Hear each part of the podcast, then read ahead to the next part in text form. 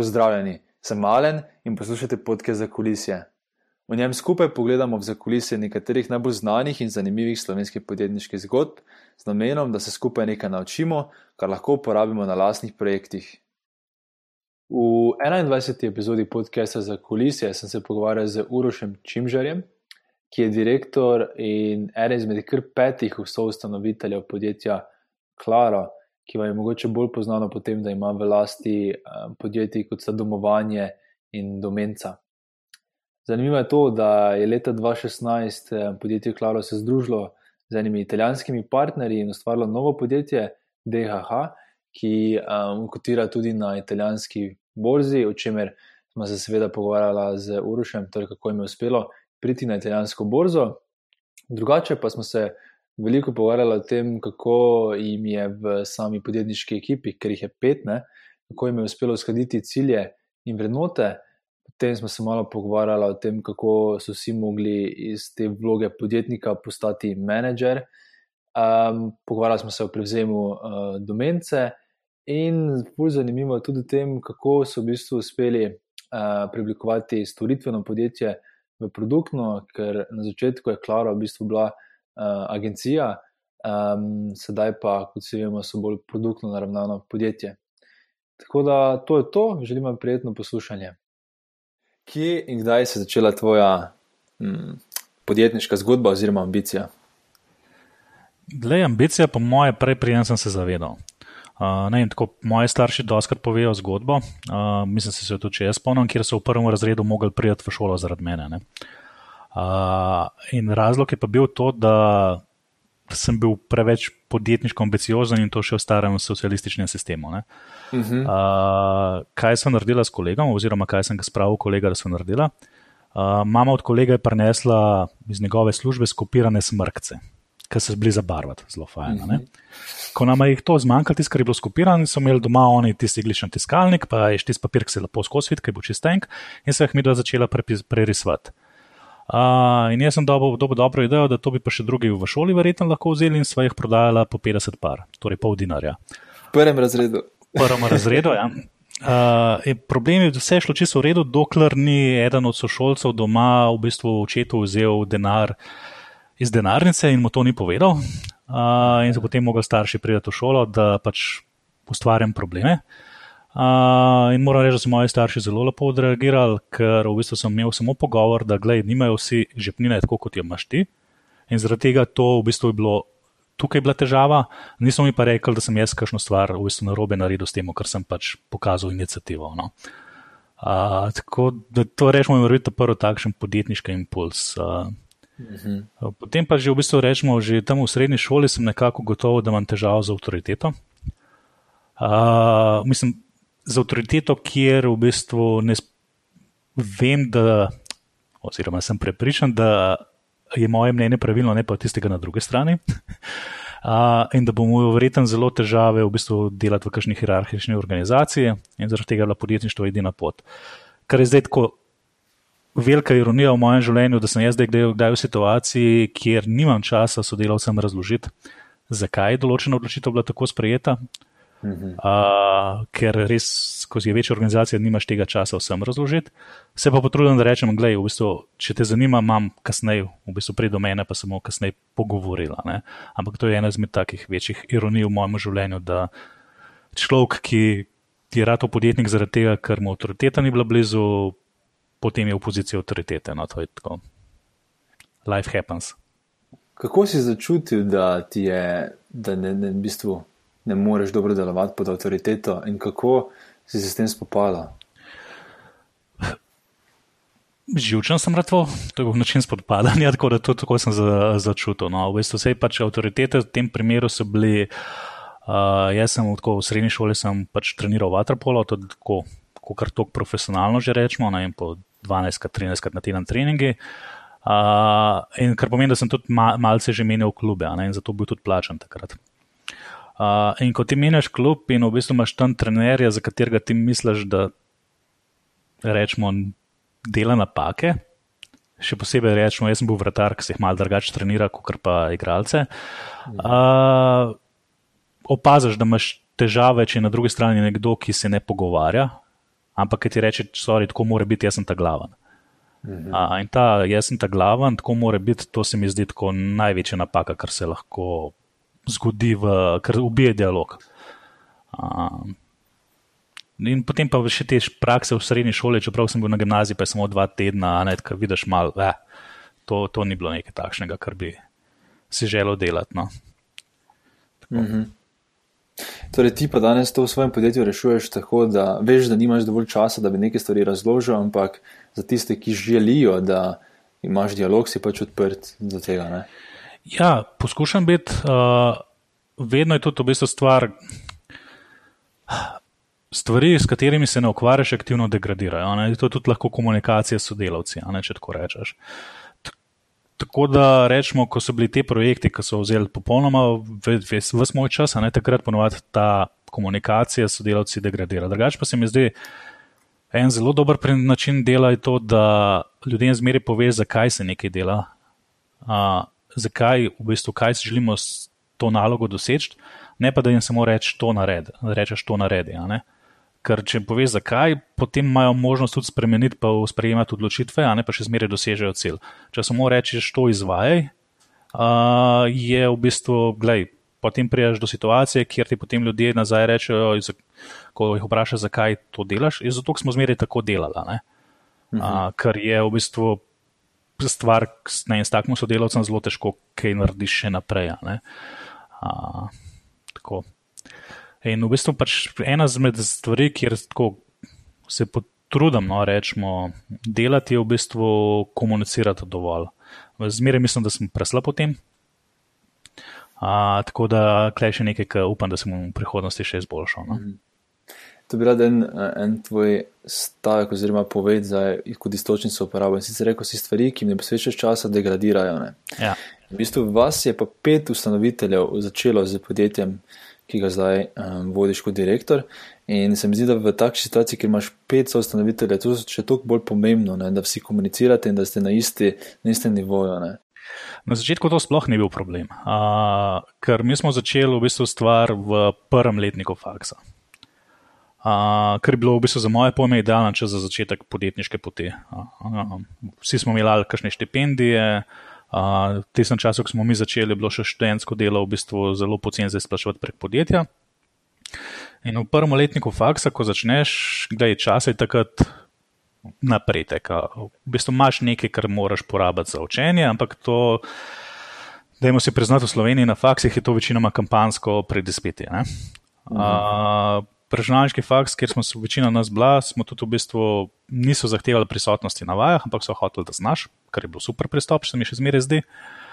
Uh, tako da smo imeli zelo veliko časa, ker ga pa bi lahko porabili za žurke, ali pa v bistvu tako, kot smo ga mi porabili za uh, to, da smo začeli se ukvarjati s podjetniškimi projekti. Uh, in takrat je zelo, zelo, zelo veliko časa za pogovor, vse te stvari. Preden ti dobiš en projekt, ki boš takrat nekaj sprogramiral za plačilo, uh, je to trajalo in vmes si lahko v bistvu delal velike vizije, kaj bi rad dosegel in vse to. Mi smo tu zelo veliko sreče, no? tako da v bistvu po ene pol, prve pol leta, ko smo bili kot osnovni štirje, ko smo začeli skupaj, a naj se nam je pridružil še Matjaš Jazbac, ki je bil pa ekonomist, uh, tako po izobrazbi delal ta faks, ne, uh, v Mariboru, na IPF-u. Uh, hkrati pa tudi s podjetniške družine. Ne? In Matjaš je v bistvu začel pri nas zelo zgodaj delati na stvarih, ki so zelo pomembne. Uh, in to, kaj v bistvu mi smo, naprimer, zelo zgodaj izpolnili vse ankete, kakšne osebnostne značilnosti imamo, kar nam je zelo mhm. pomagalo potem v debati, ker smo vedeli, kaj od nekoga drugega pričakuješ. Uh, potem on je zelo na začetku hotel, da se mi pogovorimo o vrednotah, kaj nam je vsakmu posamezno pomembno, pa vse te stvari. In to je zgradilo, v bistvu, ker smo vse te zadeve razrešili na začetku, je zgradilo v bistvu ekipo, ki je bila zelo, ne bi rekel homogena, no, ampak ki je delovala po istih pravilih.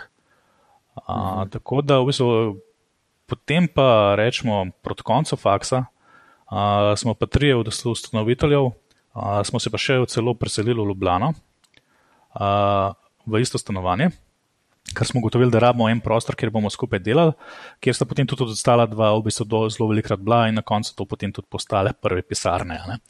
Uh, tako da, ko pa že enkrat živiš z nekom skupaj, kjer imaš tudi isto, isto podjetniško pot, tukaj so pa debate skosa. Zjutraj mm. delaš, popovdne greš na pivo, uh, debatiraš v bistvu, in smo zelo veliki idej, v bistvu, vsaj na papirju, zelo, zelo razvila. Uh, tako da je to bilo zelo tako, rečemo. Uh, Romantično obdobje naše podjetniške poti, uh, ker nimaš še nobenih resnih obveznosti, rečemo. Uh, Uh, vsak denar, ki pride za študenta, super. Uh, in tudi, v bistvu, gledali smo že čisto resno, v bistvu, tako štartali tudi te naše prve projekte, ki so še zdaj, v bistvu, rečemo, domovanje je bil že v tesnem času, v bistvu, že obstajal kot znamka. Uh, in tudi imel, mislim, da prvih tisoč strank. Škoda bi se za trenutek samo vrnil nazaj na te ankete in te vrednote, to se mi zdi zelo zanimivo. Če bi lahko bil mogoče malo bolj konkreten, se spomniš, katero anketo ste izpolnjevali in Veš, če daš mogoče nek konkreten primer glede teh vrednot, um, zakaj je to pomembno? Veš, se lahko, kako se lahko klešajo te vrednote, oziroma kako morajo biti uh, v isto smer, uh, kako uskladiš, da imaš potem vrednote v isto smer in da potem podjetje gre v pravo smer. E, glej, uskladiš s pogovorom. Ne? V bistvu zdaj, katere ankete smo izpolnjevali, v bistvu smo izpolnjevali psihološke profile. Ne? zdaj niso bili te Myers-Briggs, ki so zdaj zelo popularni, ampak so bili te, ki imaš na koncu rezultat, sangvinik, kolerik, melanholik, pa vse te stvari. Mm.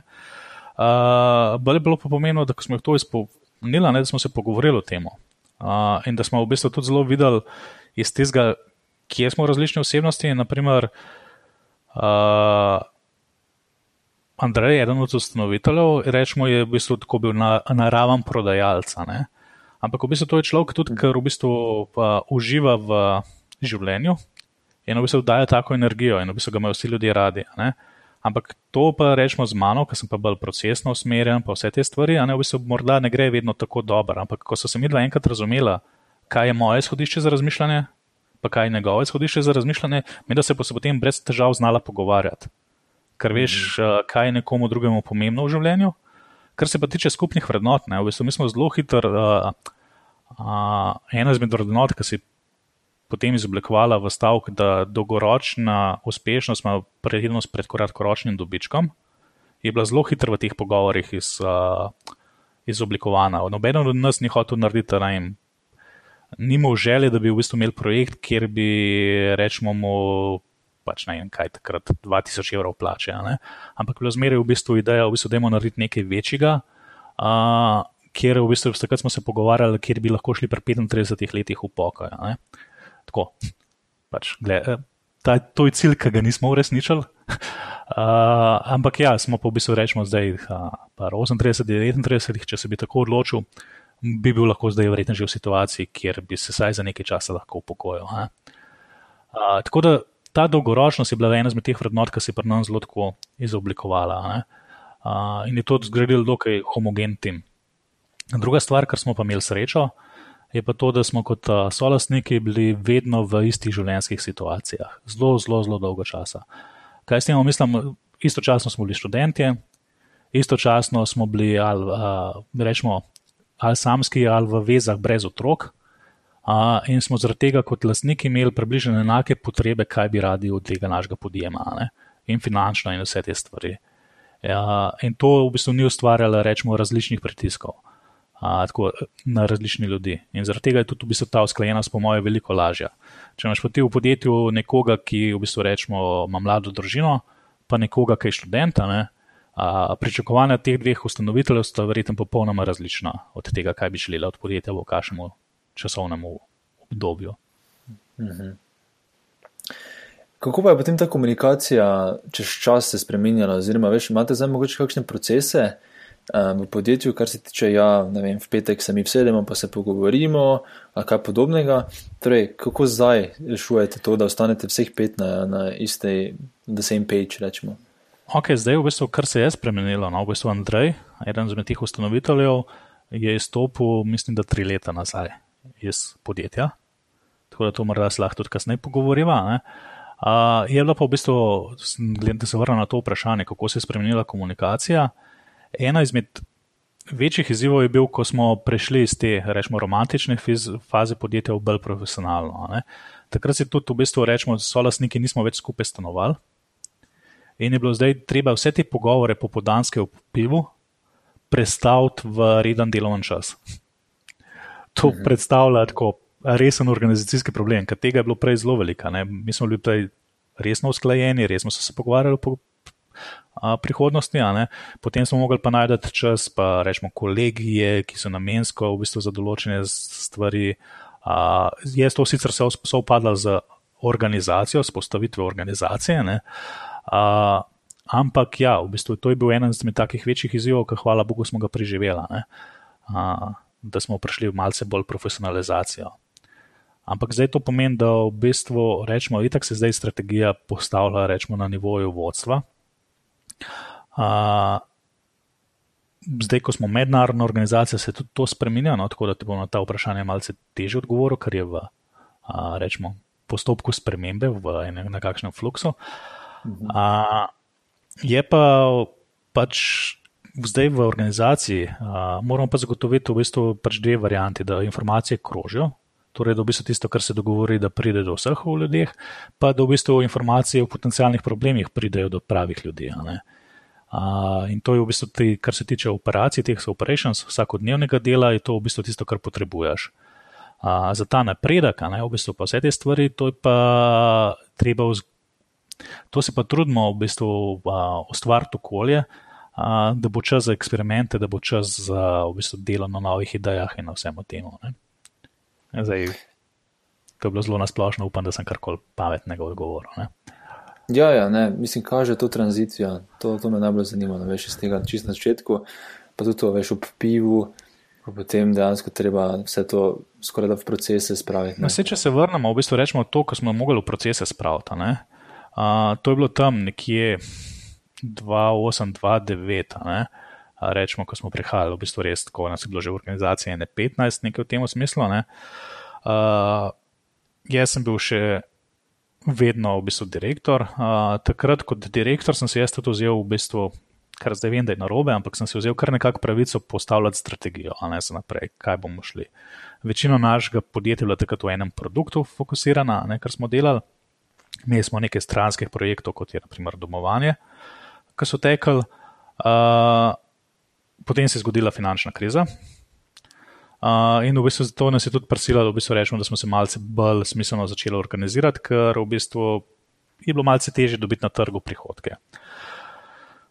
Uh, in jaz moram reči, da sem se znašel kot direktor pred zidom. Uh, jaz v tem trenutku sem poskušal ene par variant in noč ni deloval. Uh, tako da bi v bistvu bil zadovoljen, da bi se stvari premikale z zadovoljivo hitrostjo naprej.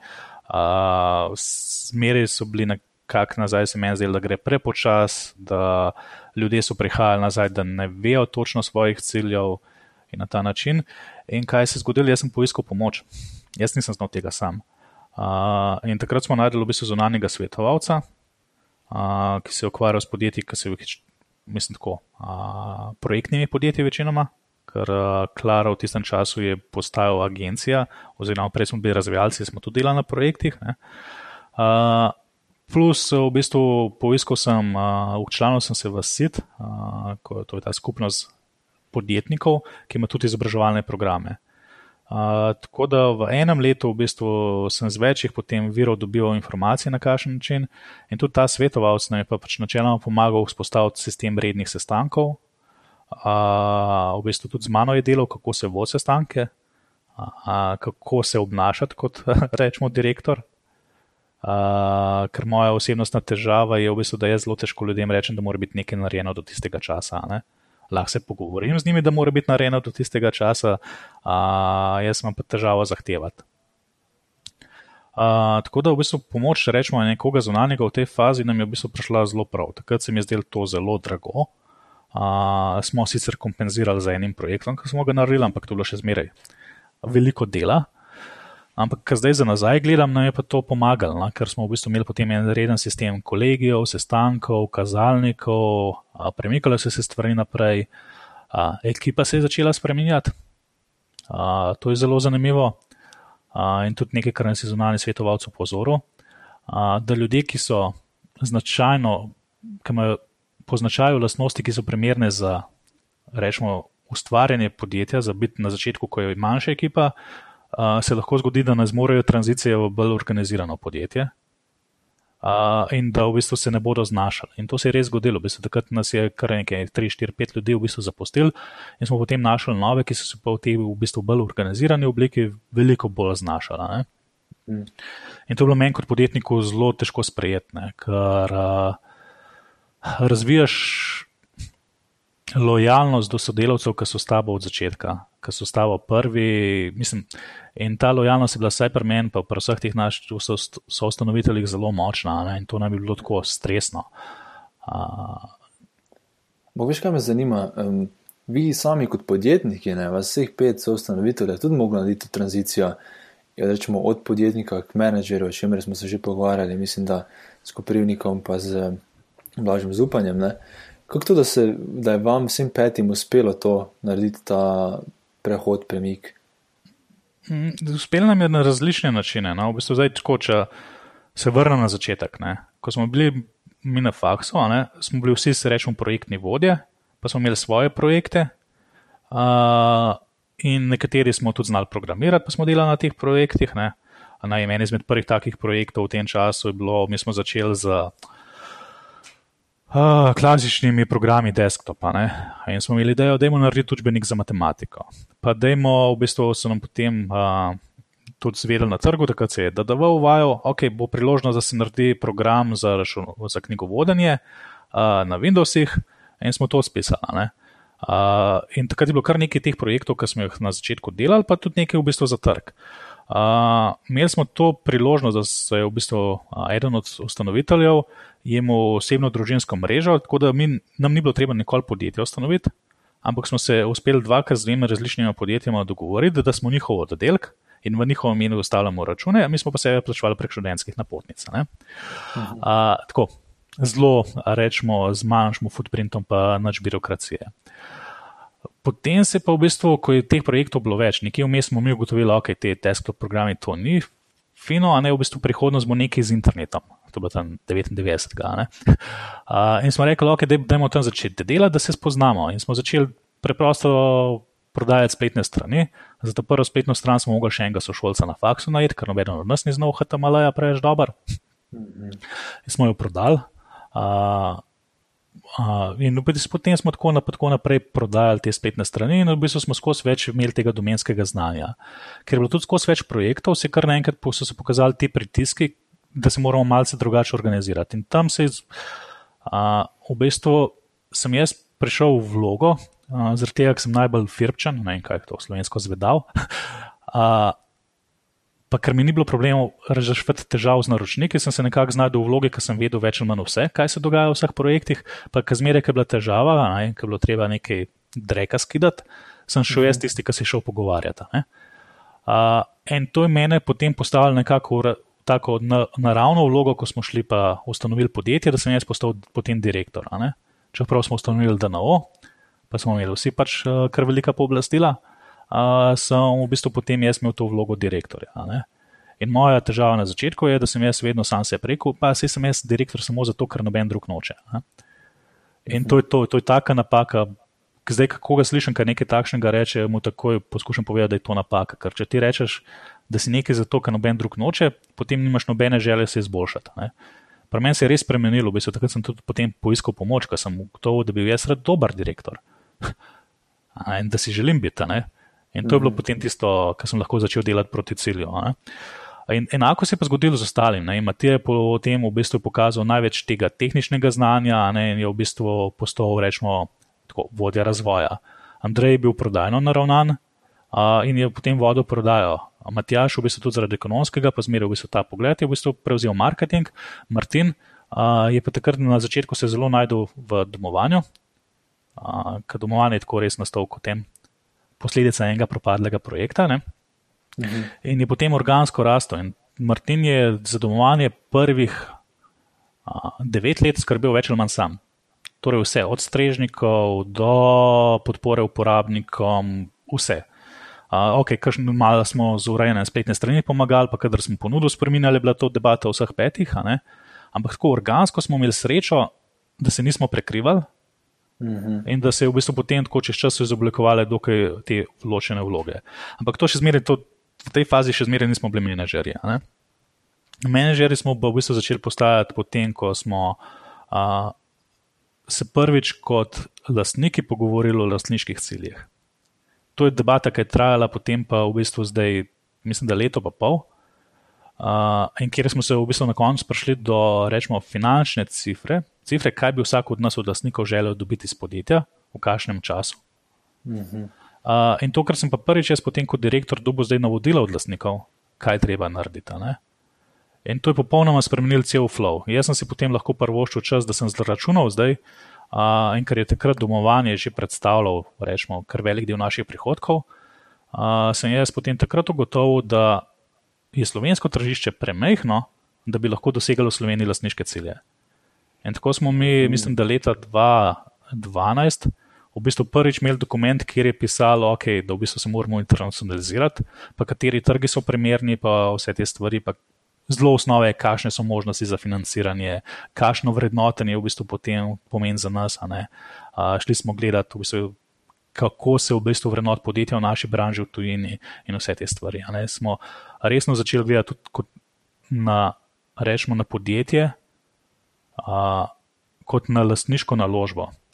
In mhm. to v bistvu je zelo spremenilo potem to mentaliteto v bistvu tega podjetnika uh, proti uh, rečemo tej kombinaciji lastnika in menedžerja, da imaš v bistvu te dve vlogi.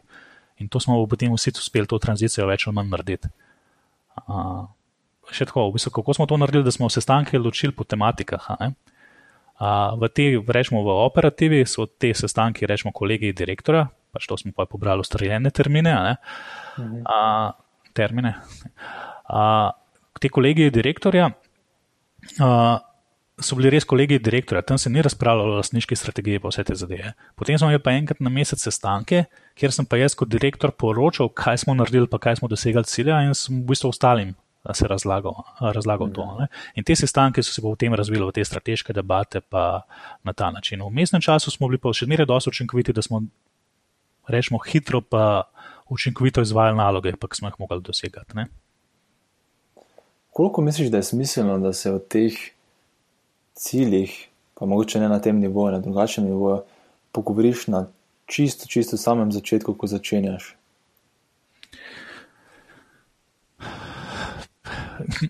Jaz ne vem, če se lahko, v bistvu bi bilo smiselno, ampak če gledam nas nazaj,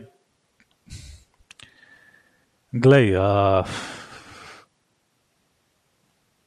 morda sem preveč oddaljen od tega, da bi lahko dal smiselen odgovor. Ampak, ko gledam sebe, se mi zdi, da so bili tisti tako, v bistvu tisti romantičen pogled na podjetništvo. Takrat je bila -hmm. to situacija poro drugačna, veš, takrat teh informacij o startupih ni bilo, ni bilo tega podpornega okolja. Uh, in v bistvu ne, meni je bila takrat želja v bistvu narediti veliko podjetje, ki je platforma, pa vse te stvari. In tudi ostali smo se strinjali, da je šlo, to je super, da je šlo. V bistvu tako, da mi smo kar nekaj časa imeli ta cilj, v bistvu zgraditi podjetje, ki bo ajš veliko. Kaj zdaj to pomeni, ni bilo jasno definirano. Če bi se mi takrat pogovorili o, rečemo, denarnih, finančnih ciljih, ne, bi verjetno drugače delovala. Ne. Nekaj konkurentov iz Slovenije, ki sem jih tudi kasneje spoznal, ker se Slovenija je tako majhna, da se hitro spoznaš vse v branži, sem prepričan, da so imeli finančne cilje ne, in so veliko bolj učinkovito uporabljali svoje resurse. Ne in veliko bolj učinkovito delala. Tako da, če se uspeš to pogovoriti, je super. Uh, se mi pa zdi to zelo težko za nekoga, ki je na začetku, rečeš, zdaj, če, podjetnik, če si podjetnik, priješ iz faksa, se v to verjetno zelo težko pogovoriti, ker nimaš nobene izkušnje na podlagi, kaj lahko pričakuješ, kaj so realna mhm. pričakovanja. Če si pa podjetnik, rečemo, malce bolj uh, z nekaj deset let izkušnjami ali kaj takšnega, ne, se mi pa zdi to nujno. Če bi jaz začel zdaj le nov podjem, uh, je to en izmed zadev, kjer bi bila v bistvu prva debata z novimi partnerji. Uh -huh. Pa tudi verjetno bi ga zmeraj začel s partnerji, ker sem navaden delati samo v skupini. Kako pa zgleda ta pogovor? O ciljih. Tako. Uh, kako je izgledal pri nama, kako bi mogel izgledati? ne, lahko ti povem še drugo zgodbo. Uh, lahko gremo v bistvu, če bo prišla potem do tega DHH. Je pa v bistvu ja. to pogovor, ki smo ga ponovno začeli, ker je v bistvu rečemo nadgradna te naše slovenske zgodbe na mednarodnem nivoju z dvema novima partnerjema. Ne? In smo ta mhm. pogovor imeli. Uh, torej, rečemo, če so naprej tam, da smo mi začeli kot razvijalci, smo imeli en produkt, ki potem ni uspel, pa finančna kriza. Uh, smo potem v bistvu vzpostavili, rečemo, spletno agencijo, ker smo imeli dosti teh stran, ki smo jim izdelali spletne strani. Uh, ampak spletna agencija je v bistvu kot, uh, rečemo, podjetje, nekaj takšnega, kjer zelo težko zagotovi, rečemo, naše lastniške cilje. Uh, in sicer zakaj? Ker v bistvu spletna agencija je vredna toliko, kar so vredni tvoji kontakti. To pomeni, da moraš biti ali ti upleten v operativo in imeti kontakte z strankami, ali pa si v situaciji, kjer ti lahko tvoji najboljši zaposleni uh, odpeljejo določene stranke, vodje projektov, vse te stvari, ker imajo kontakte z njimi. In še zelo težko jo je, uh, rečemo, skalirati, rast. Ni problema z rastom do nekje milijona evrov prometa, dva milijona, ki je več pa v bistvu vsaj v, rečemo, na našem trgu, je pa verjetno zelo težko dosegljivo. Uh, tako da. In to smo potem, ko smo se kot lastniki pogovarjali o tem, v bistvu bila, ko smo mi določili te naše finančne cilje. Ne? In zdaj, da smo prišli do finančnih ciljev, je trajalo moje ene 6-7 mesecev. Ker v bistvu finančni cilji, mi smo se pogovarjali o ciljih, mi nismo vedeli, da je na koncu prišli ven finančni cilji. Mi smo se pogovarjali o zadevah, kot so ne vem, ali kdo želi v bistvu imeti nekaj legacy zapuščino, da je nekaj naredil, ali v bistvu želimo zgraditi podjetje, ki je prepoznavno na mednarodnih trgih. V bistvu vse različne zadeve, ki jih lahko dobiš v bistvu od podjetja. Ne? Na koncu smo prišli do tega, pač po eni strani banalnega, po drugi strani pa basics, da v bistvu zadeva, v kateri se najlažje strinjamo, a, so v bistvu finančni cilji tako da te pogovori so v bistvu pač bili pogovori, v bistvu ne moderirani, ampak v bistvu zmeraj smo vedeli, je cilj. V bistvu moje, v bistvu rečemo, vprašanje ostalim solastnikom je zmeraj bilo, jaz rabim nekaj, kar lahko napišemo. Ja, zmerljivi. Jaz, jaz rabim nekaj, kar lahko napišemo, kar bo potem input za mene, da se pripravlja v bistvu skupaj z vami, sicer ne da se pripravlja, kako bomo do tja prišli. In to, če bi bilo zaradi mene tudi to, da, v bistvu, da mora biti to podjetje, za katerega morajo vedeti vsi v Sloveniji, ni problem, če to napišeš, še zmeraj se to ve. Sicer potem se ukvarja s PR-om, verjeten, pa s tem, pa veliko bolj takšnimi, ampak ko enkrat to zapišeš, to, to drži. In ja, mislim, da za zdravo podjetje je fajn, da so ti cilji tudi finančni, morda ne samo finančni, ampak tudi finančni, ker vseeno, kot podjetnik, se moraš od nečesa živeti. Ne? Pa zelo verjetno gre večina v bistvu podjetništvo morda ne zaradi finančnih ciljev, ampak morda v bistvu rečemo zaradi samostojnosti, kar se pa v končni fazi v našem sistemu rečemo, a ne prevede v finančne cilje. Ti rabiš pa toliko, toliko denarja na mesec, da si lahko v bistvu samostojno odločiš, kako boš razporedil svoj čas. Uh, tako da ta debata se pri nam res, je po moje, trajala v bistvu 6-7 mesecev. V bistvu, zakaj je trajala 6-7 mesecev? Zato smo se enkrat na mesec o tem pogovarjali. Aj, že no, mesila pa je, ok, pa da je pripravi to, pa pripravimo tiste dokumente, pa da je to opcijo raziskati. Hkrati smo jo vedno povezovali tudi z uh, alternativnimi podjetniškimi idejami. Kaj pa, če bi šli to delati, pa kaj, če bi šli pa to delati? Ker za agencijo smo videli, da je to v bistvu tok enega dela, tok projektnih ekip, praviš. Vedno v bistvu so. Toliko je možnosti za to, da naročnik ni zadovoljen, pa so bili večinoma naročniki zadovoljni. Ampak, če ti narediš to projektov na leto, ne, imaš zmeraj ene, dva, tri naročnike, kjer se je se šlo po naključju, da stvari niso delovale. Rečemo, da so v bistvu naleteli na napake v enih, treh, štirih naših procesih ali pa imaš naročnika, ki ima nerealna pričakovanja. Ne?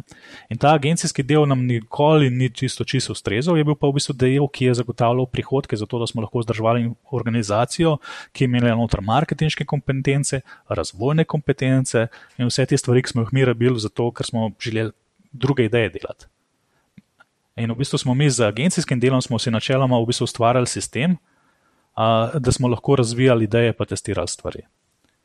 In smo tako testirali, najem za Kompasom, smo naredili eno, mislim, da prvo, drugo slovensko Facebook aplikacijo, uh, ki jim je takrat v bistvu na enko kartic zvestobe v bistvu uh, so uspeli podeliti, mislim, da več kot 2000. Pa v bistvu izpolnili smo mojo željo, ker sem zmeraj hotel eno igrico dizajnirati. uh, in je tako, pač ta del, ta pogovor je v bistvu zaradi tega trajal 6-7 mesecev.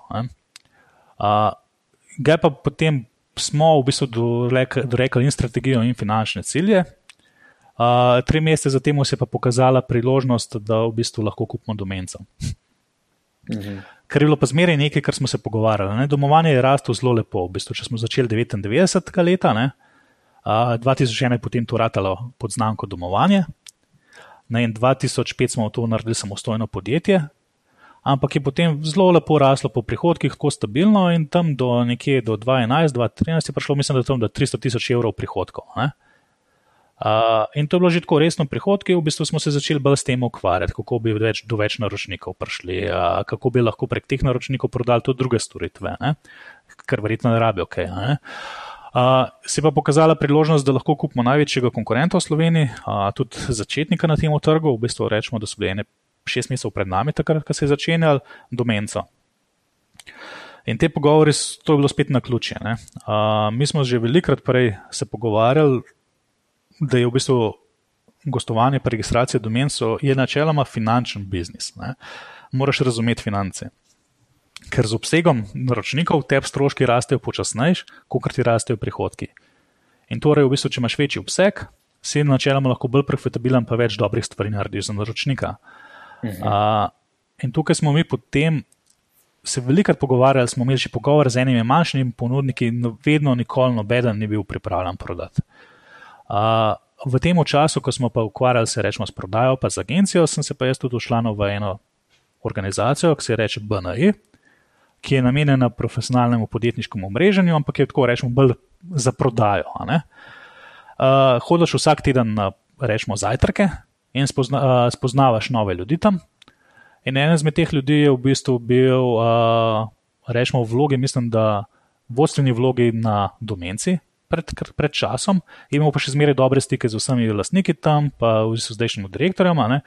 In ko sem jaz tam, v bistvu se pogovarjaš, kaj delaš, kaj, kaj kdo dela, sem povedal, da ok, ja, imamo to agencijo, zaradi tega sem tukaj, ampak po drugi strani pa tudi verjetno pa poznaš domovanje. Ne? Ker takrat je že približno smo imeli rečemo, 15% tržen delež, nekaj takega, 13%, in je bila že kar velika verjetnost, da so ljudje že slišali za znamko. In je rekel, ja, ja seveda, ne, ok, gor dol do menca, pa sem jaz rekel, nekako je prišla debata na to, kako bi bilo smiselno malce združiti ta trg, in mi je potem nazaj prišla informacija, pa ti veš, da so oni pripravljeni prodati. Jaz, lasnikov domence, nikoli nisem vprašal, so pripravljeni prodati, ker mi je bila zmeraj to opcija, hej, verjetno ne, zakaj pa bi, ne. Ali se so večji od nas na ta način. No? In so se začeli zelo, rečemo temu, previdni pogovori, ki so po letu dni pripeljali do tega, da smo res uh, domenco uspeli kupiti. Uh, in rečemo, še leto dni kasneje je prišlo do tega, leto pa pol, da je 80% prihodkov pr zdaj prihajalo v bistvu iz gostovanja pri registraciji domen, 20% pa v bistvu iz tega agencijskega dela. Uh, in smo potem kot lastniki sprejeli tako težko odločitev, da se v bistvu umaknemo iz tega, da bi mi kot lastniki želeli, da agencijski del zraste. Ne? In smo na koncu se to tako slo, da smo v bistvu stranke predali večinoma podizvajalcem, vsi, ki so hoteli nove projekte, za obstoječe, ki so pa na našem sistemu, pa še vedno v bistvu stvari vzdržujemo. Ne? Tako da, skozi vmes so se pa dogajale te lastniške debate. V bistvu, če se predstavljajo sestanki, so lastniki, a gremo kupiti največjega konkurenta, kjer se moramo prvič v življenju zadolžiti. Uh, ker prej smo vse financirali z cashflow. Uh, kaj bomo kupili, v kakšnem stanju je organizacija, uh, kako bomo to delali. To je bilo zelo tako. Na koncu smo se v bistvu odločili, da ja, bomo izkoristili to priložnost, zaradi tega, uh, ker v Sloveniji je samo še eden, ki bo približno enake velikosti in verjamemo, da se bo še kdaj pokazala ta priložnost. In hkrati smo pa upali, da ko bomo večji, se nam bodo pokazale priložnosti, za katere zdaj ne vemo, da obstajajo. In to upanje se je potem leto dni, pa pol kasneje, v bistvu uresničilo. Ne? Ko smo šli mi naprej z tem načrtom za internacionalizacijo, uh, potem ugotoviš, ok, če bomo v večjih državah, uh, moramo mi biti nekako sposobni zdaj voditi ekipo v drugi državi. Aj v Sloveniji ni težko. Ti greš v naj in se malo sprehodiš po centru za podporo uporabnikom, po pisarni ajš mal prebereš v bistvu te interakcije, pa vidiš, da se dela dobro, ali se ne dela dobro. Ajš, jaz sem tako zelo uno, tisto podjetniško, ajš, uno manjša ekipa, ta menedžeriranje, takrat je v bistvu by the way. Ne? Uh, potem, ko smo se pa zdaj klele enkrat odločili, okay, mi bi šli parali v tujino, smo pa rekli, okay, mi moramo že Slovenijo na ta način menedžerirati, res menedžerirati, da bomo lahko potem tudi tujini to delali. Ne? In smo začeli razmišljati o kazalnikih, o KPI-jih, o tem, in smo to začeli uvajati. Ne?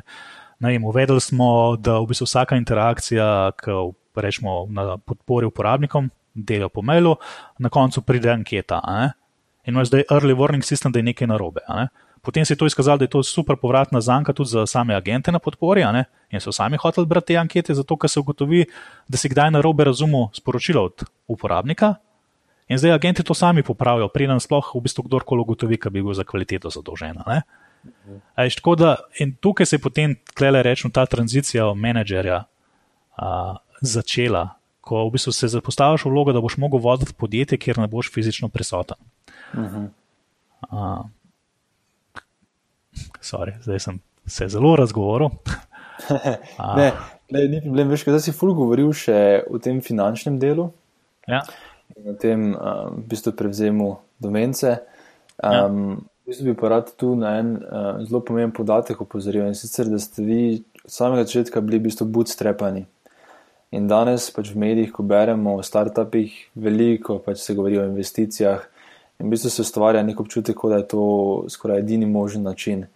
In me zanima, če bi lahko opisal vašo zgodbo, oziroma kako ste vi uspeli v bistvu z bootstrapanim podjetjem priti iz rečemo, študentskega stanovanja do italijanske borze, česar se lahko kasneje dotaknemo. Ja. Uh, nekaj sem že povedal. Ne? V bistvu pač to, da smo začeli kot študenti, je pomenilo, da smo začeli takrat, ko smo imeli zelo nizke stroške. In ko so nas dobesedno si živeli še alova mama v hotelu, ne? ali si imel eno štipendijo, pa imel si veliko časa, pa dobesedno noč za zgubiti. Uh, in hvala Bogu, se je takrat začel tudi internet razvijati, to pomeni, da smo mi lahko uporabljali tudi brezplačna urodja za razvoj in je še vedno stvar delovala. Uh, tako da smo mi imeli to srečo, da ko smo začeli, uh, smo se zmenili z podjetjem, v bistvu rečemo Infos. Uh, tam sta bila direktorja, ki sta bila zelo razumljiv, razumevajoča za rečemo nadobudne ljudi, ki začenjajo s poslom. Uh, uh, Rado Stojanovič pa Andrej Jus, še zmeraj sem jim zelo hvaležen. In smo se mi z njima dogovorili, uh, da rečemo, če prevedem iz dolarjev v današnjo valuto, da rečemo, da pogodbo tam do 5000 evrov, smo imeli tipsko pogodbo narejeno in je rado pogodbo samo podpisal in je nam zaupal, da, smo, da bomo mi to naredili. Uh, nekaj malega smo plačali za stroške računovodstva, uh, lahko smo pa delali potem projekte, že takrat smo ustanovili, rečemo, svojo znamko. Uh, z znamkami mi res nimamo sreče, no, v bistvu jih zamenjamo vsake dve, tri leta. In takrat smo začeli kot razvojna skupina Klan. Razvojna skupina zaradi tega, ker smo delali razvojne projekte, uh, Klan pa zaradi tega, ker si bila nekaj igra na kao programersko hišo, potem če so tako House of. Uh, v angleščini reče, potem so pa nekako na škotske klane prišli in je bilo klan. Kar se je skazalo za zelo neugodno izbiro, predvsem za ameriški trg, a, ker je pisal s KM in tam se samo še en drug klan piše s KM. Ne? Ampak ok, a, smo preživeli.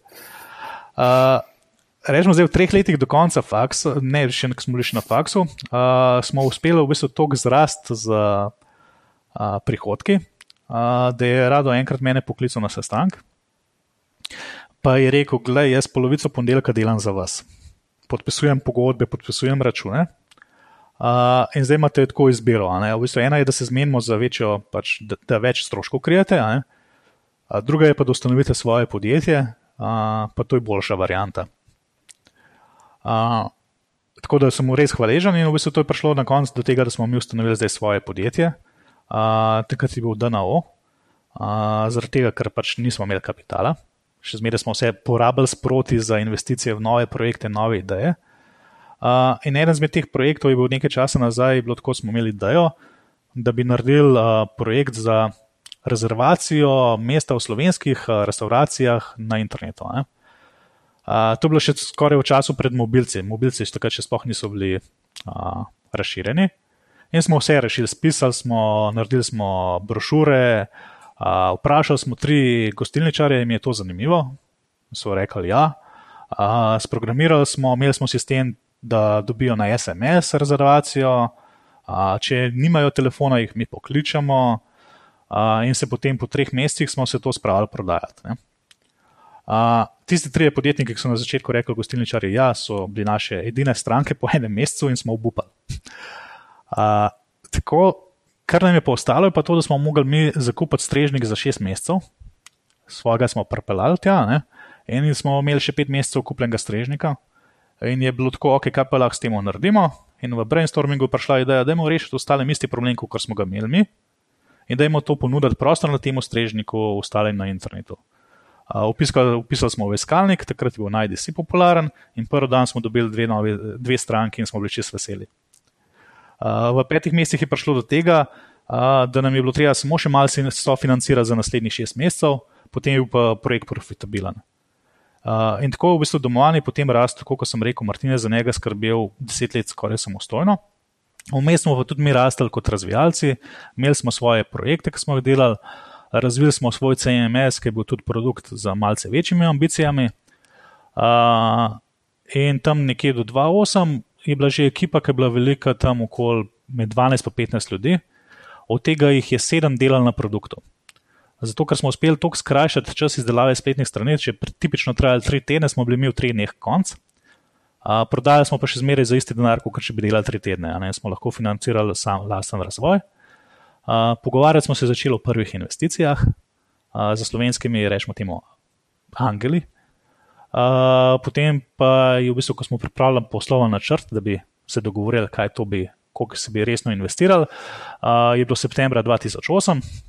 In se je zgodila ena zadeva z podjetjem Amerike, ko se mu reče Lehman Brothers, ki bo začetek finančne krize. Uh, ampak stvari mi smo bili skozi profitabilni, uh, do v bistvu tega leta, potem 2009, kjer smo pa v bistvu mi še malo dodatnih ljudi zaposlili, ker smo mislili, da bomo dobili investicijo.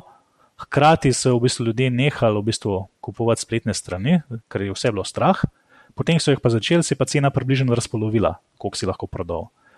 Uh, in tukaj smo mi potem sprejeli to odločitev, da gremo v agencijski posel, da ljudje poleg same izdelave spletnih strani verjetno uporabljajo še kakšne druge storitve, naj jim oglaševanje pa vse to. Uh, predvsem iz tega, da bi obdržali te sposobnosti za razvoj, da bi obdržali ekipo, uh, ker je dobro delovala skupaj in to nam je v večji meri kar rata. No? Uh, je pa tako, v letu 2009 bi mi, mislim, da propadali, če ne bi bil takrat razpis za razvojna podjetja, ki so zaradi krize zašle v težave. Resno. Tako, na ta razpis smo se prijavili uh, in smo takrat dobili nepovratna sredstva, mislim, da v višini 60 tisoč evrov. In to nam je pomagalo, da smo se potem do konca 2009 v bistvu lepo pobrali, 2010 in ta agencijske delajo za laufo. Uh, in smo spet bili v bistvu profitabilni, in z te agencije smo pa lahko raz, razvijali naše nove, rečemo, podjetniške ideje na in to Facebook aplikacijo, ki sem jo omenil. Potem smo pa v bistvu šli to klasično pot, da bi morda iskali investitorje ali na ta način. Uh, in skozi te pogovore, lasniške, ki smo jih imeli, smo pa prišli do tega, da smo ugotovili, da gledajo v bistvu vse domovanje takšna priložnost, ki se jo da v bistvu uh, z njo ukvarjati, pa zrasta. Ne? Uh, ampak domovanje nikoli ne bi v bistvu rado ta priložnost, če ne bi v bistvu mi zmeraj gradili sistemov. Torej, da stvari delajo same, da popišeš procese, da ljudje. Da nastaviš odgovornosti za procese, pa vse te stvari. Ne? To naj bi bilo zmeraj uh, vsem ustanoviteljem dokaj blizu. Kdaj ste začeli to delati? Že zelo zgodaj? Ali? Že zelo zgodaj smo imeli, uh, rečemo, zaradi tega, ker smo bili razvijalci, v bistvu en tak začetek je bil ok. Uh, Dajmo napisati, de, kako bomo strankam komunicirali. Ne? In so bile specifikacije, ena izmed prvih stvari, ki smo jih predtem prilagali ponudbam in pogodbam. Uh, in specifikacija je že en tak popis v procesu, kjer moraš ti jasno te zahteve pa želje. Uh, potem, v bistvu, rečemo temu agencijskemu delu, ne, smo imeli mi potem sestanke enkrat na mesec, kjer smo šli čez vse projekte. Projektni vodje so imeli nalogo poklicati stranko ali pa jim poslati mail, kaj je šlo, kako so bili zadovoljni, pa kje se bi lahko izboljšali. Ne. In potem smo zmeraj v bistvu te zadeve, kje se bi lahko izboljšali, v bistvu poskušali implementirati, da smo spremenili proces.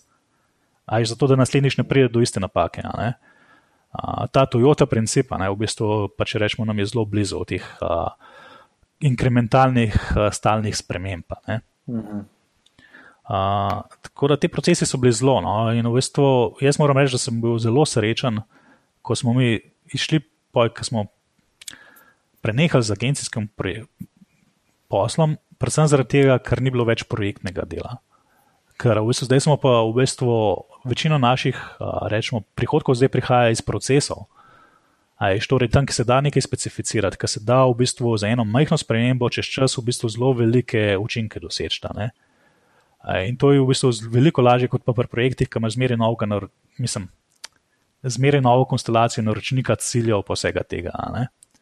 A, tako da ta pristop k grajenju podjetja, ne, mislim, da je nujen za vsakega podjetnika. A, in meni se tudi tako zdi, če bi mi rekli, mislim, vse tiste ideje, ki smo jih imeli 99, ne, v bistvu nobena od njih ni bila ponujena gostovanja pa registracije domena. Ne.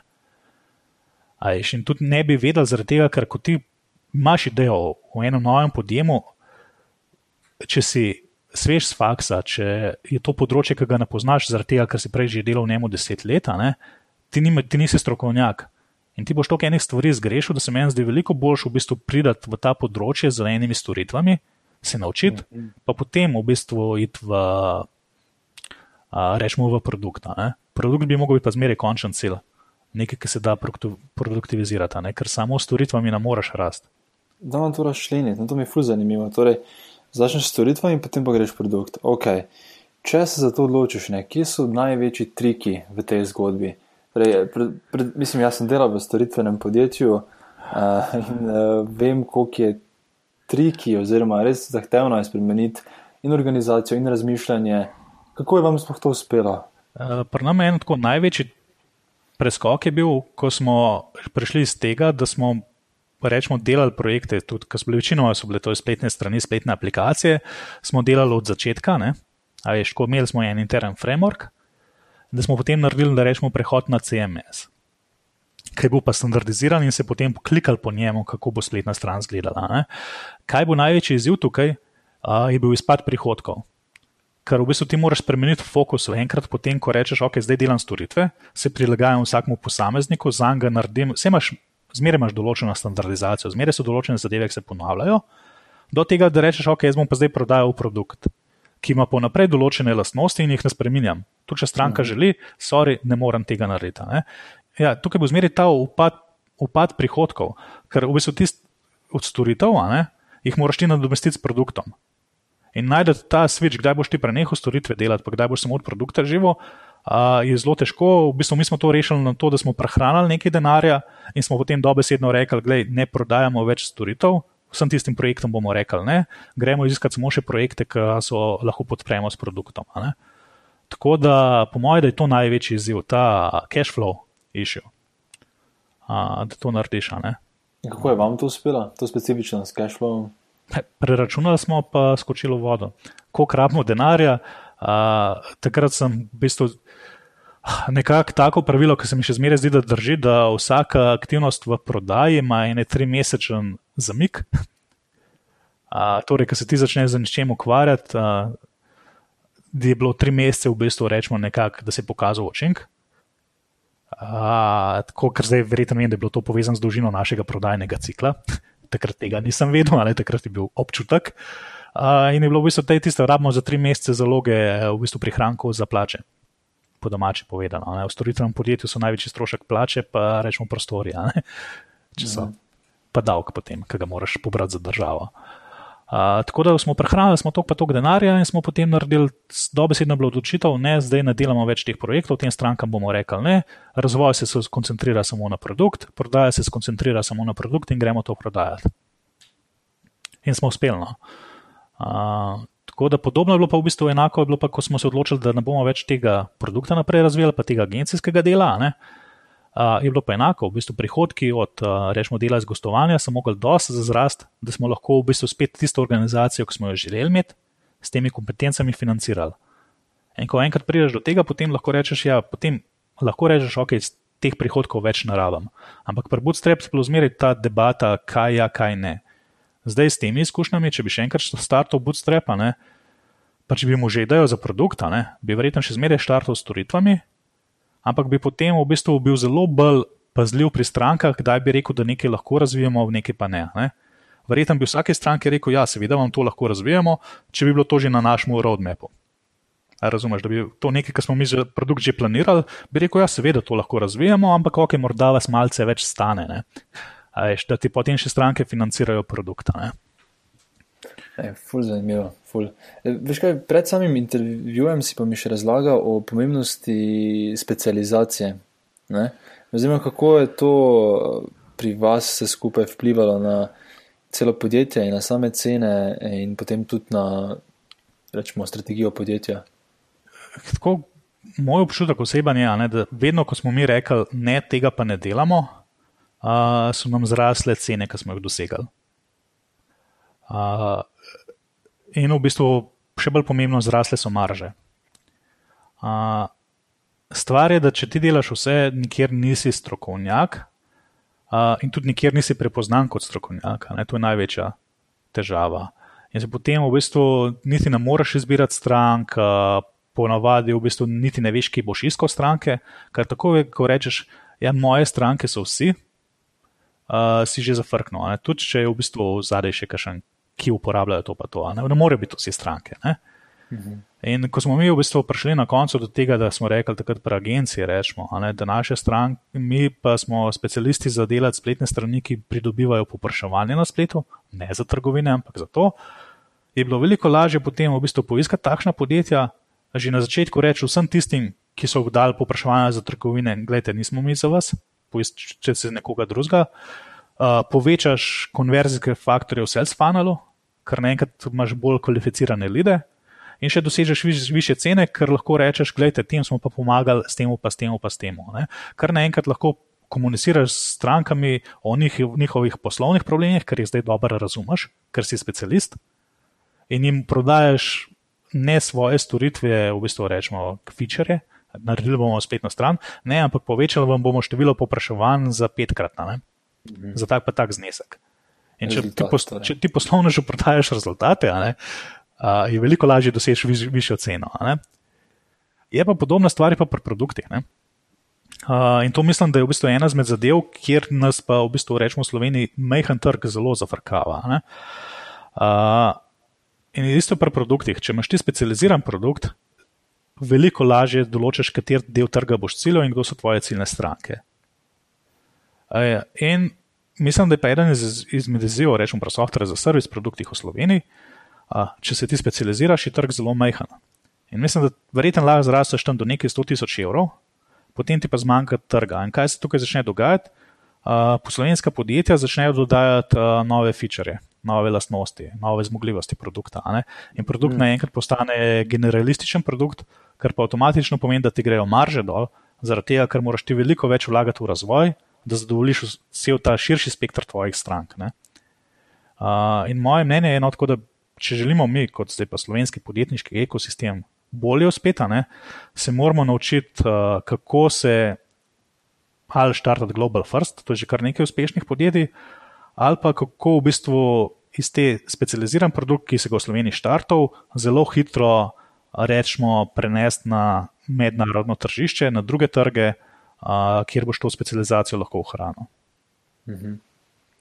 Ebe, če se vrnemo na nekoga, ko čist na začetku svoje podjetniške poti, koliko misliš, da je smiselno oziroma možno, da že na začetku začutiš, kaj je tista tvoja specializiranost?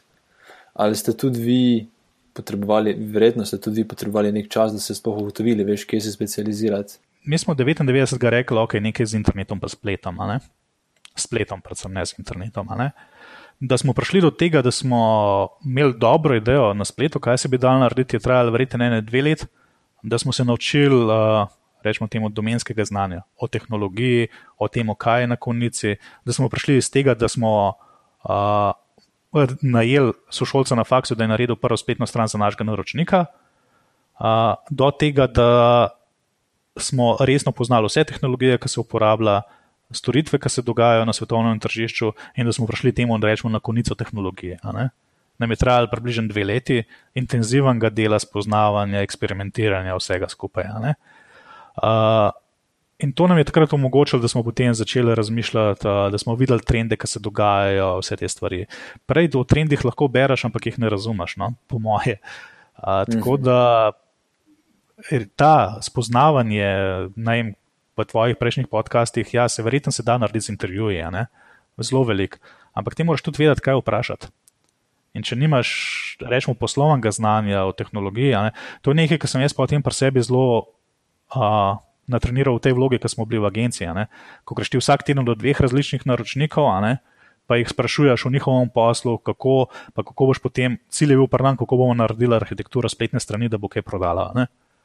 Ampak, ajš tam potem se zelo se hitrejš spoznaš z novimi branžami, kaj je pomembno za prodajo, pa vse te stvari. Ampak to je ta prodajni koncept, tisti tehnološki, kako pa narediti, je pa po mojem še zmeraj v bistvu uh, učno obdobje, ki traja leto, dve. In zdaj, ti ta obdobje financirajo investitorji, ali pa najdeš način, da boš, uh, rečemo, bootstrapal to, je po mojem čist enako. Sam da pri bootstrap načinu če dobro delaš, imaš morda lahko na koncu dve leti tudi, če ti ne uspe najti razvit podjetniške ideje, imaš profitabilen biznis. Uh mhm. -huh. Tako da to je meni tista razlika. Ne. Jaz v bistvu tako zelo cenim, kaj se je v Sloveniji naredilo, rečemo, za startup sceno. Ajš podjetništvo se je, rečemo, naredilo kul. Cool. Morda celo preveč kul, cool, da ratuje lifestyle. Uh, in se mi pa zdi, da manjka ta debata, da bi nekdo, ki pride z faksa, vedel, da gledaj, če greš ti v startup, vse super, ampak ti boš vložil noter 3-4 leta življenja in v zameno za največjo vrednost lahko pričakuješ izkušnje. Imáš v bistvu 1%, 5% možnosti, da ti bo uspel tudi finančno, super, ampak tvoj del je v bistvu, da si pripravljen vložiti, rečemo, 3-4-5 let življenja za izkušnje, pa za network, pa vse te stvari. To je lahko super del, ampak je fajn, da si ga na začetku zavedaš, da je to del, ki ga sprejemaš. Uh, to pa v bistvu pri nekaterih teh. Uh, ki grejo v startup sceno zaradi tega, ker je samo kar je kul, cool, uh, pogrešam no, uh, ta premislek. A pa da želijo narediti uspešen IPO. Ne? Kar pa je vam uspelo, ima se še tem uh, pogovoriti. In sicer uh, lani avgusta, ne, če sem prav uh, prebral, je v bistvu ta DHH oziroma DHH, torej cel holding teh podjetij, začelo kotirati na italijanski borzi. Pa kot prvo, mogoče me zanima, kako izgleda sploh cel proces, kako je do tega prišlo. Prišlo je v bistvu tako, če v bistvu bom zdaj še do konca odgovoril eno prejšnjo vprašanje. Uh, rečemo, kako se pogovoriš o ciljih. Uh, mi, kot te slovenske ustanovitelje, ne, smo imeli cilj internacionalizacije in smo že delali na tem operativnem modelu, KPI in vse te stvari. Hkrati smo pa začeli iskati financiranje za ta projekt. Ne. Nekako smo ocenili, da za vstop v eno od sosednjih držav, uh, tukaj smo potem se odločili za Hrvaško, ali pa kakšno Srbijo ali kaj takšnega, ne v bistvu za ta, rečemo, naravno pot uh, našega jezikovnega območja, ne, uh, smo ugotovili, da rabimo približno milijon evrov. Nekaj od tega lahko sami financiramo, v bistvu prehranimo, rečemo, ne, uh, nekaj pa v bistvu je potrebna investicija. Ne, in potem greš klasično pot, ne, v bistvu najcenejše so banke. Ne, Stališča lastnikov, ker ti ni treba dati nobenega lastniškega deleža. Mhm. -huh smo prišli do bank s projektom, v bistvu, ker smo v oke, pa je rekel, da se mora reči, da nekoga ne kupimo market leaderja, bomo verjetno malce še než prišli skozi. Ne? Uh, smo prišli s projektom in so tako vsi ti, uh, rečemo, prodajalci, jim jaz rečem, no, ti tvoji skrbniki na banki, uh, so vsi, o, super projekt. Uh, naša država je, ker smo storitveno podjetje, mi nismo imeli nobenega premoženja. Ne? Uh, in čeprav v bistvu je projekt bil tako nastavljen, da ima rečemo, finančno konstrukcijo, ki se pokriva, čeprav smo enkrat to že naredili v bistvu z domenco, ki smo jo kupili, uh, v bistvu zaradi tega, pač, ker je bila takšna situacija, pa je bil večji znesek, v bistvu je bilo rečeno, da tega ne moramo financirati. Ne? Uh, če nimate neko, nekaj kot hard collateral, v bistvu enega poroštva, ki je ali hiša ali kaj takšnega. Uh, Uh, druga možnost je bila v bistvu, rečemo, ok, gremo gledati v bistvu za venture fund, da smo vedeli, da smo v biznisu, ki se ne financira na ta način, ne? kar v bistvu raste vsem prepočasno s prevzemom po vsem tem. Uh, in nekaj vmes imaš pa v bistvu private equity funds, ki obstaja. Ne? Private equity funds v Sloveniji ne obstajajo. Zato, ker denar, ki se bi verjetno porabil za to, uh, je rečemo se porabil v tem obdobju tranzicije za privatizacijo, vse te stvari. Ajš, ko ponovadi so investitorji v private equity funds, kakšne zavarovalnice, pa vse to, te stvari. In to so v bistvu vse ta denar, se je v Sloveniji v bistvu šel v to privatizacijo, pa na ta način. Ne. Tako da se bo verjetno to ustvarjalo, upam, da v naslednjih 20 letih, ker ta kapital vseeno ustvarja zelo koristno funkcijo, ima zelo koristno funkcijo ta tip kapitala. Ne. No, in potem v bistvu tretja opcija v bistvu je bila, seveda, private equity funds v regiji kjer pa ti seveda priješ do tistega istega problema, kot pri rečemo venture fundih, da oni investirajo samo določeno število projektov na leto, v bistvu vse v življenjskem obdobju tega funda, tega sklada, zaradi tega, ker v bistvu morajo upravljati z investicijami. In to pomeni, da če je sklad na 120 milijonov, ne, bojo, v bistvu ne, bo, na primer, minimalna investicija tam 20 milijonov. Ne. In zdaj, kaj bo naš problem? Uh, mi smo bili premehni s projektom, da bi 20 milijonov sploh lahko porabili. Tako, smešen problem. Uh -huh. uh, no, in tretja možnost je v bistvu industrijski investitor. Uh, in tukaj smo pa v bistvu imeli srečo, ker v istem času se je pa v Italiji začela ista ideja uh, pri teh italijanskih partnerjih. Uh, in smo bili v bistvu mi, ker so iz Italije, so štartali v Sloveniji, in smo bili ta drugi, ki so jih poklicali. Uh, in smo rekli, gledajte, ok, super, ne, v bistvu imamo podobno idejo, dajmo se dobiti. Uh, in jaz in uh, pač uh, Matija, uh, tudi eden od ustanoviteljev, ki je v bistvu bil že v, te, tem obdobju že v, ča, v vlogi izvršnega direktorja, ne, uh, so se zapeljala v Milano. Uh, smo se pogovorili, kaj v tisti njihovi ideji, ki so nam predstavljali, mislimo, da ne bo deloval. Uh, in en teden kasneje smo se slišali in sta v bistvu pač, uh, načeloma je bilo rečeno, ok, se strinjamo z vami, da v bistvu vaš ta izvedbeni načrt je veliko bolj dodelana, ne? ampak ga gremo lahko z našim finančnim načrtom. Ne? In smo zdaj združili njihov finančni načrt, italijanski, naš izvedbeni načrt in to je potem postal DHH. Kled uh, povem tako, no, v bistvu, če smo se za domenco mi pogovarjali v Sloveniji eno leto, da smo zaključili posel, pa je šlo zelo počasi, pa res ni bilo zaupanja, ker smo si bili konkurenti. Smo klele se v bistvu v treh mesecih dogovorili, kakšne cilje bi radi imeli, kaj mi resniško pričakujemo, kaj bomo obljubili trgu, kakšen bo naš equity story. Uh, ker ko ti delaš IPO, ti v bistvu narediš prvo izdajo delnic za trg in s tem dobiš, ker delnice prodaš, dobi podjetje nov kapital. Ne? In s tem dobiš nove investitorje, nove solastnike, nove delničarje. Ne? In tem delničarjem moraš prodati zgodbo, torej equity story. To smo mi v bistvu v, z italijanskimi partnerji, v bistvu, kjer je tudi rečemo, jezikovna barijera, vseeno, v bistvu kulturološka barijera, smo se v treh, treh mesecih uspeli se dogovoriti. Leto dni kasneje, v bistvu, rečemo, teh prvih pogovorov, smo v bistvu naredili uspešen IPO. To je tako. V tem času, ne, ko ti delaš IPO, ne, v bistvu, klepa zgodba drugačna. Klepa nisi več ti podjetnik, ki se moraš samo za solastnike dogovoriti, ampak moraš priti v bistvu iz zasebnega podjetja v podjetje, ki je toliko kredibilno, da lahko neinformiran investitor kupi tvojo delnico. Mhm. In to zdaj cel postopek IPO-ja je narejen zato, da to zagotoviš trgu. Kar pomeni, da ti dobiš eno investicijsko banko, ki ti pomaga, pomaga pri tem, kaj moraš ti vse narediti. Ne? Izbrati moraš revizijsko hišo. Ne? In ta revizijska hiša je naredila v našem primeru, ker je bilo več podjetij, v bistvu re, revizijo vseh podjetij.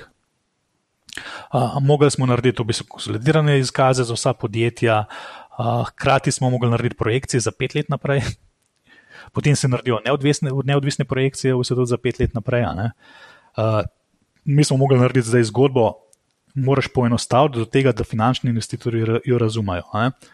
In moraš govoriti tukaj zdaj jezik finančnih investitorjev. Ne? Tukaj moraš uh, govoriti o EBD, uh, moraš govoriti o return on investment. Uh, uh, moraš v bistvu razumeti v bistvu te vzvode, rečemo v poslovanju podjetja, uh, kako se odražajo na finančnih rezultatih, in tudi v tej, tvojemu, uh, tej zgodbi, ki si jo povedal investitorju, moraš vedeti, kje ti v bistvu pričakuješ, da boš naredil največ donosov. Uh, tako da v bistvu je zanimiv proces. No?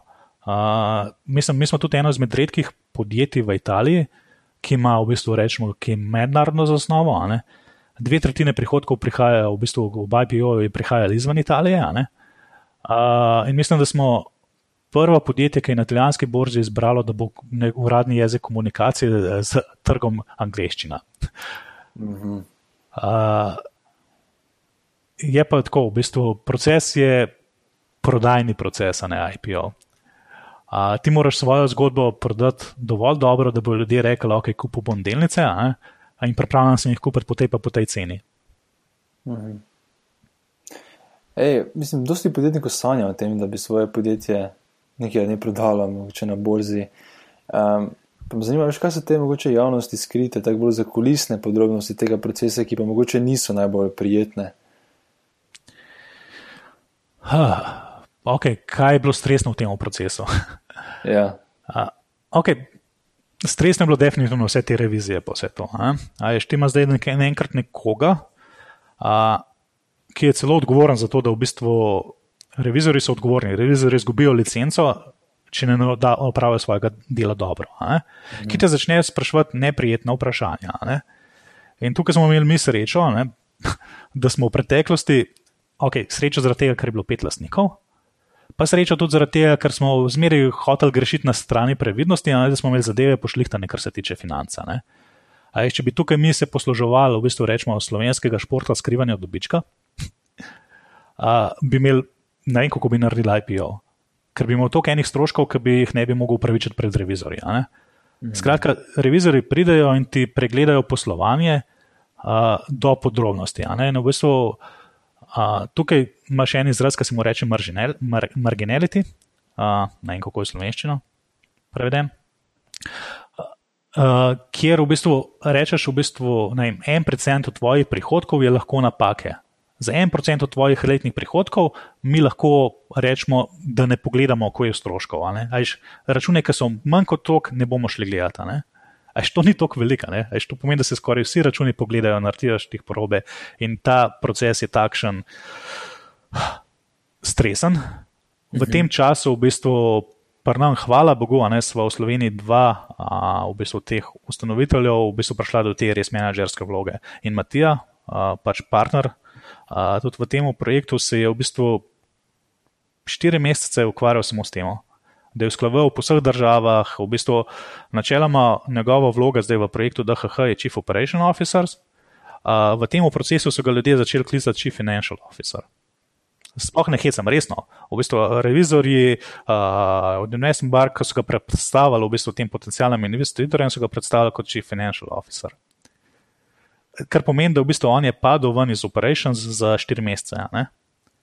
To pomeni, da ti moraš imeti v tem procesu borze, uh, vstopa na borzo, moraš imeti dovolj zaloge, da te, rečemo, zdaj narekovaje delam, za tiste, ki.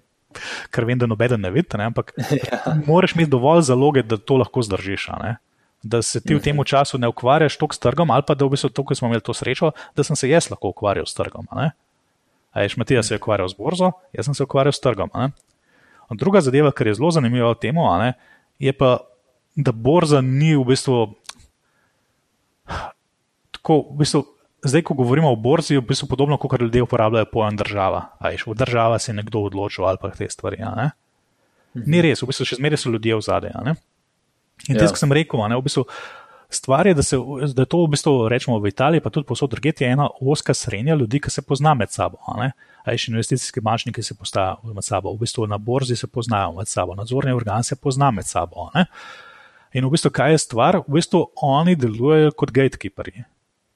Koga bojo spustili naprej in koga ne bojo. Ne? In tem v našem procesu, da smo mi šli na borzo, ne, je bila naša prva naloga prodati naš projekt tem gatekeeperjem, Mi smo mogli najprej dobiti v bistvu to investicijsko banko, ki nas bo sponzorirala, ker bo rekla, ok, gremo, ker mi smo šli zelo malo prihodki na borzo. Mislim, da smo bili v bistvu ena izmed treh podjetij z najmanj prihodki na italijanski borzi. Zdaj, z prevzemi smo to že uspeli krepko popraviti. Ampak to, da smo mi prodali zgodbo, to je bilo to, da smo prvič tega etkipari. Potem pa cel ta proces je zasnovan za to, da boš ti v bistvu na koncu posloval dovolj transparentno, da bojo lahko ti retail investitorji lahko tudi investirali vate. Zato, da v bistvu borza, naloga borze je, da zagotavlja to transparentnost in da zagotavlja, da so podjetja, ki so tam, delujejo na transparenten način. Ne? In mi imamo zdaj dvakrat letno revizijo, v bistvu imamo obveznost dvakrat letno pripraviti poročilo. Ne? In to ti na koncu naredi boljše podjetje. No?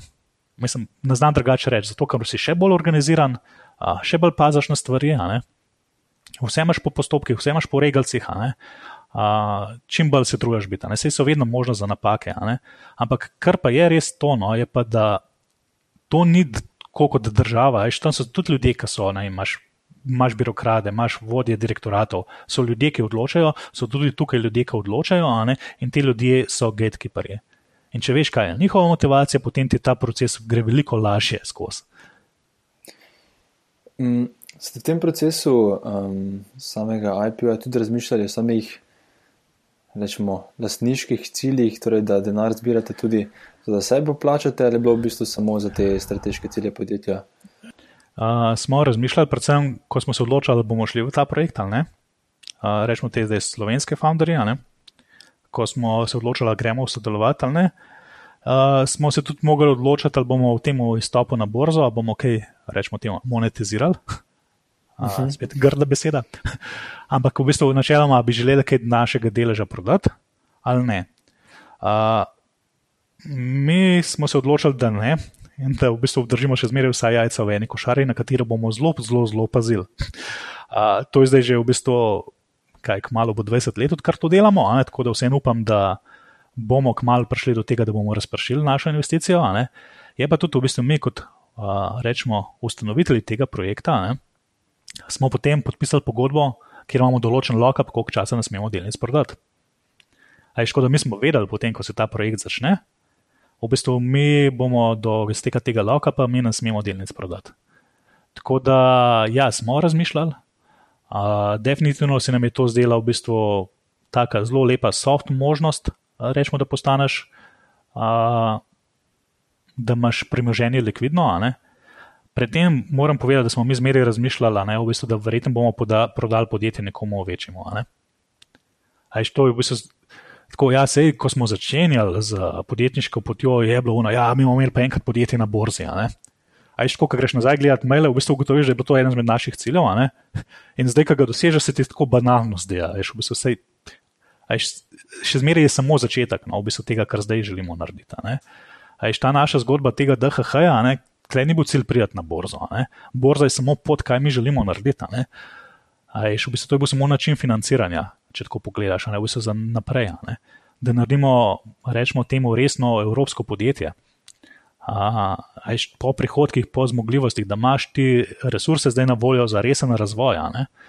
Ker prej težava teh, rečemo, največjih podjetij in v Sloveniji, in na Hrvaškem, mi smo bili že prej največji v Sloveniji. Ne? Ampak v bistvu težava je, da še ti še zmeraj nisi mogel dobro financirati vse ključne funkcije. Ali še razvoja, rečemo, ne, v bistvu operations, pač pa v bistvu marketinga. Zdaj se mi to lahko prvošmo. To, to, to je bilo nam v bistvu cilj, zakaj je ratati večji. Zato, da bomo lahko v bistvu to naše podjetniške želje, v bistvu, da bomo to lahko delali. Ne? Da naredimo tudi kakšen produkt na globalnem tržišču. Ne? In to je bila tudi naša zgodba, ki smo jo investitorjem povedali. Ne? Mi smo rekli, okay, mi bomo prevzeli, v bistvu naredili z prevzemom sorodnih podjetij v naši regiji, bomo naredili v bistvu dosti velik obseg poslovanja, da v bistvu bomo lahko potem financirali globalne podjeme, hkrati pa bi radi pomagali v bistvu zdaj software za servis podjetjem iz te regije pri internacionalizaciji ali v regiji, ali pa tudi na globalne trge. Ker mislim, da to kompetenco, pa to znanje pa zdaj imamo, oziroma ga res aktivno pridobivamo. Je škoda po svoje, želimo malce rešiti tisti problem, ki sem ti prej rekel, pri specializaciji. Želimo mi pomagati tem podjetnikom, da jim bomo raje pomagali pri internacionalizaciji, da bo lahko našo mrežo izkoristili, da bo lahko našim naročnikom prodali, pa da jim bomo tudi pomenili, mi z našim znanjem, kako prodajati na teh različnih tržiščih, pomagali pri tem, da jo lažje vstopila. Uh, da, in to je bilo tudi, kaj nas je prepričalo, res v sodelovanju z italijanskimi partnerji, da so tudi ta tretji del ideje, ne, to pomoč lokalnim podjetjem pri internacionalizaciji, ne, da je bila ista. Da se je res v, rečemo, v Italiji, v Milano, pa klela v Sloveniji, v Ljubljani, da so se iste ja. ideje tako izoblikovale tudi dva, tri koraka naprej. Ja, Malo je ja. bilo razlike v izvedbi, ampak v bistvu. Klej v bistvu ta vprašanja vrednote in hva, tudi italijanski partnerji so vsi bolj strepani.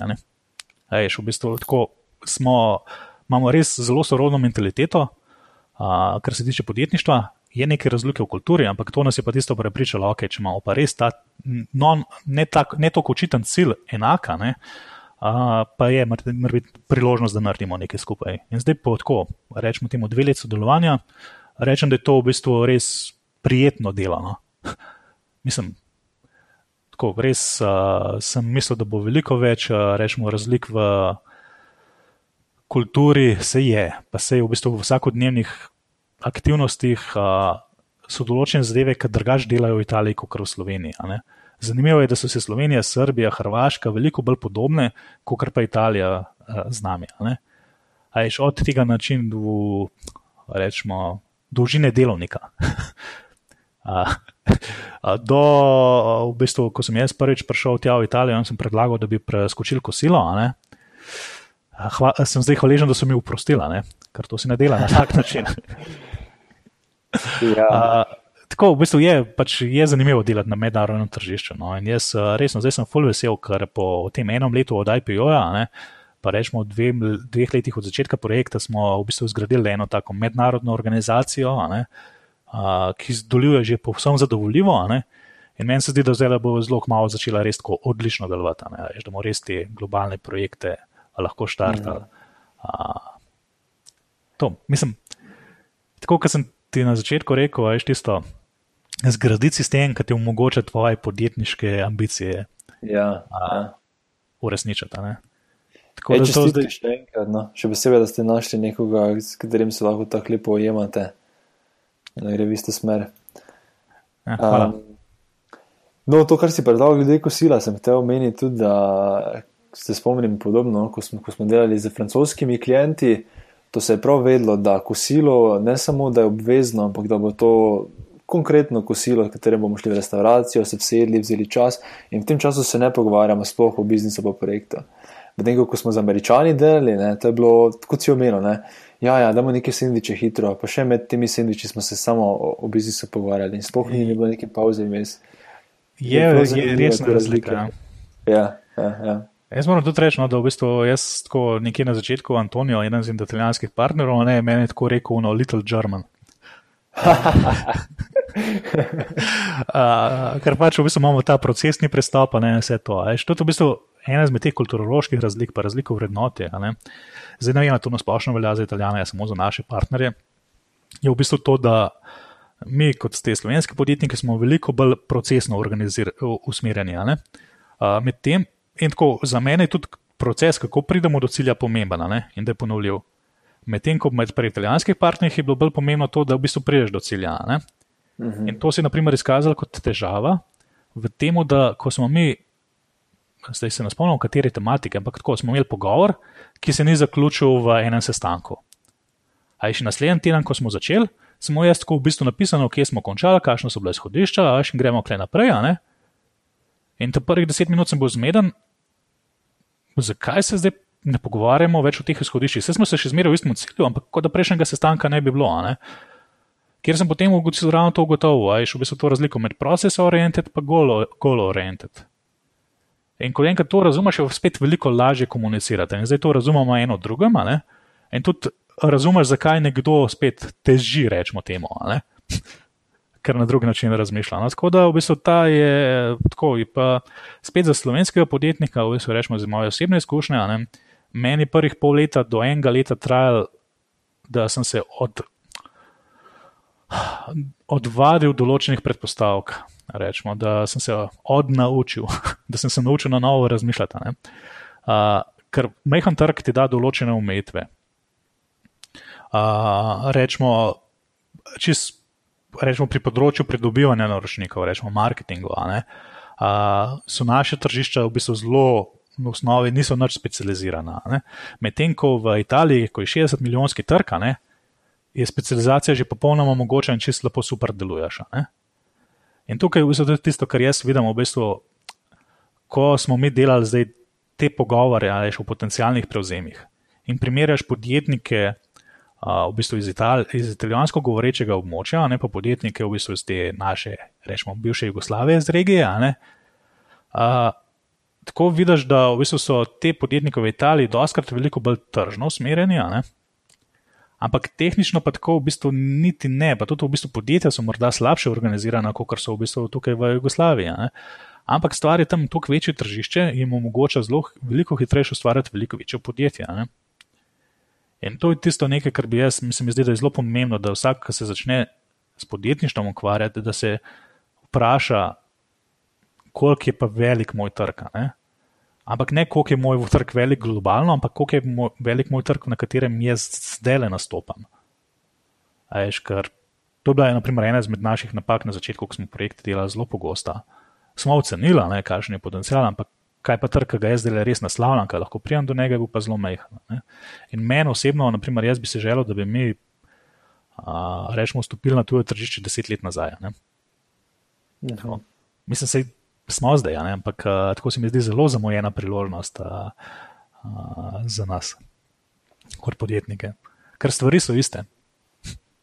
Res. To bi šlo hitreje v tujino. Na večjem tržišču bi šlo hitreje. Ja.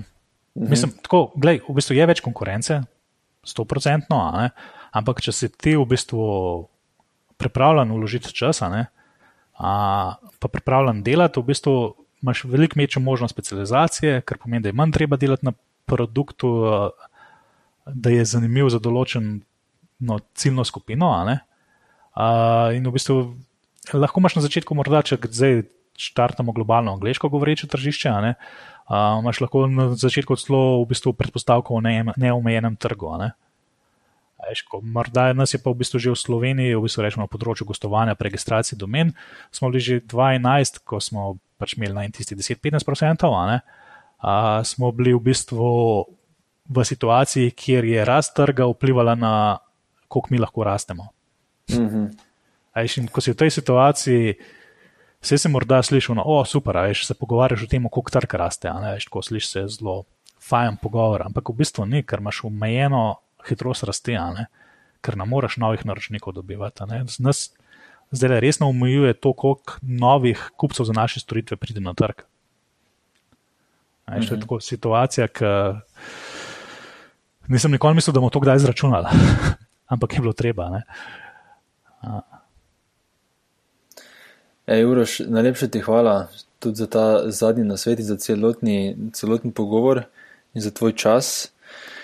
Um, mogoče kot zadnje vprašanje, samo če ima kdo od poslušalcev še kakšno specifično vprašanje, kje te lahko mogoče najdejo um, na spletu. Uh, najbolj kar po e-mailu. Mm, mislim, da bo najlažje kar urosafna.domenca.com. Rečemo, Reč pa katerega koli od naših. Katerega koli od naših brendov vzameš, pa daš urost od spredaj, pride v moj mailbox. uh, ja, tako da. Cool. Hvala še enkrat, Uroš. Super. Hvala tebi za povabilo, no, tako da pa hvala za pogovor, res. Tako, to je vse v današnji epizodi.